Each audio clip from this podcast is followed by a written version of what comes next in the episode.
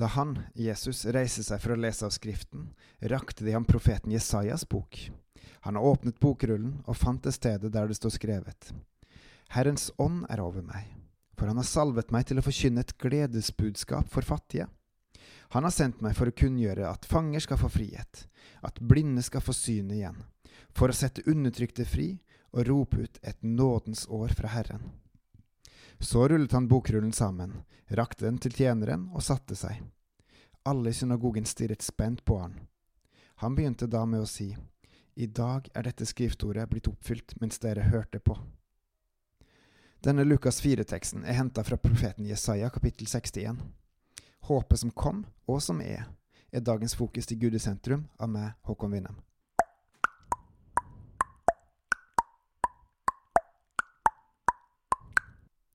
Jesaja levde drøyt 700 år før Jesus ble født her på jorda, og den markerer et viktig skille mellom Guds langmodighet og Guds straff.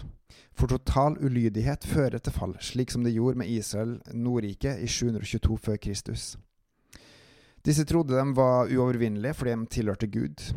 Lite skjønt i innholdet av skjemaet, jødenes trosbekjennelse fra 5. Mosebok 6, der det står at man skal elske Herren med sitt alt. Ikke er det bare fine ord å si, men man skal også følge og leve med Herren. Her hadde Israelsriket gjort feil helt siden kong Salomons eh, dager, altså i ca. 300 år. Guds langmodige nåde, det å gi sjanse på sjanse i håp om omvendelse, ble ikke tatt imot av dem, for folket var stivnakka og fulgte heller sin egen vilje enn Guds vilje.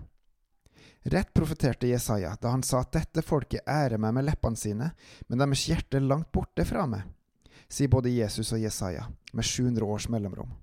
Et godt eksempel på at mennesket er seg sjøl lik, både da og nå i dag. Jeg er redd det her er det samme som skjer i dag, at vi, hans folk, ærer Gud med leppene våre og ikke hjertene. Gud og Jesaja håpte at Juda, Sørriket, ikke ville følge Nordrikets eksempel og gå til grunne sånn som dem. Noen konger i Sørriket gjorde det, men brorparten av folket gikk sin egen vei, og i 587 før Kristus falt også Sørriket. Det er ikke alltid så enkelt å være menneske, heller ikke i vår tid, men Gud har gitt oss håpet. Bare hør hva Jesaja 61 profeterte for 2700 år siden. Herren, Herrens ånd er over meg, fordi Herren har salvet meg til å forkynne et godt budskap for de elendige. Han har sendt meg til å forbinde dem som har et sønderbrutt hjerte, til å utrope frihet for de fangne og frigjørelse for de bundne til å utrope et nådens år fra Herren og en hevdens dag fra vår Gud, til å trøste alle sørgende, til å gi de sørgende i Sion hodepryd istedenfor aske, gledens olje istedenfor sorg, lovprisningens drakt istedenfor en avmektig ånd. De skal kalles rettferdighetens terebinter, Herrens plantning til hans ære. De skal bygge opp igjen det som ble ødelagt i eldgammel tid, gjenreise det som har ligget øde fra de første slekter. De skal fornye ødelagte byer, det som har ligget øde fra slekt til slekt. Fremmede skal stå og vokte jordene for dere, og utlendinger skal være deres åkerdyrkere og vingårdsmenn.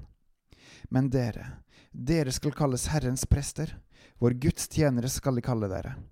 Folkenes gods skal dere ete, og deres herlighet skal gå over til dere. Dere skal få dobbel gjengjeld for deres skam, og de som led vanære, skal nå juble over sin lodd. Derfor skal de få dobbel lodd i sitt land. Evig glede skal det bli dem til del. For jeg, Herren, elsker rett og hater ran og urettferdighet. Trofast vil jeg gi dem deres lønn, og en evig pakt vil jeg slutte med dem. Deres ett skal bli kjent blant folkene, og deres etterkommere blant folkeslagene. Alle som ser dem, skal kjenne at de er en ett, som Herren har velsignet.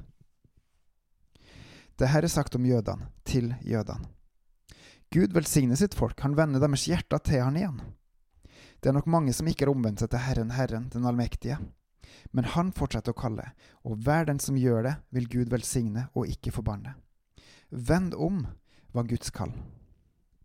Da Jesus leste opp dette Jesaja-sitatet, satte han det inn i en ny kontekst. Ja, det gjelder fortsatt jødene, men nå skulle det gjelde alle fattige, fanger, blinde, undertrykte, ja, alle som vil omvende seg til Herren, gjennom trua på Jesus. Igjen ser vi at det ropes ut et nådens år. Igjen ser vi at Jesus strekker ut hånda til jødene, men også alle andre, og gir håp om liv, om glede, om frihet, om fred og styrke. Alt dette er gratis for hver den som tar imot. Tar man ikke imot, høster man forbannelse. Tar man imot, velsignelse. rik velsignelse. Og hvor heldige vi er som får ta imot Guds nådesår, Guds velsignelse, helt gratis, helt ufortjent, med håp og forventning om gjenkjærlighet. For for ingenting har vi fått det, og for ingenting skal vi gi det videre. Denne rikdommen, denne friheten, må jo også andre få del i. Dagens utfordring er todelt. Nummer én, be Gud inn i ditt hjerte om å fortsette å virke i oss til å se og gjøre Hans vilje. Og to, be Gud om å åpne døra for Hans rike, at andre, både troende og ikke-troende, får se Guds herlighet og lære Han å kjenne. Det her er etter Guds vilje, så det her vil skje. Og husk at Gud er sentrum, at vi skal le for Han og ikke for oss sjøl. Da vil vi se Hans ånd virke i oss og til og i andre rundt oss. Fordi Han vil det, fordi Han gjør det, fordi det er et nådens år fra Herren. Bebels og på gjenhør.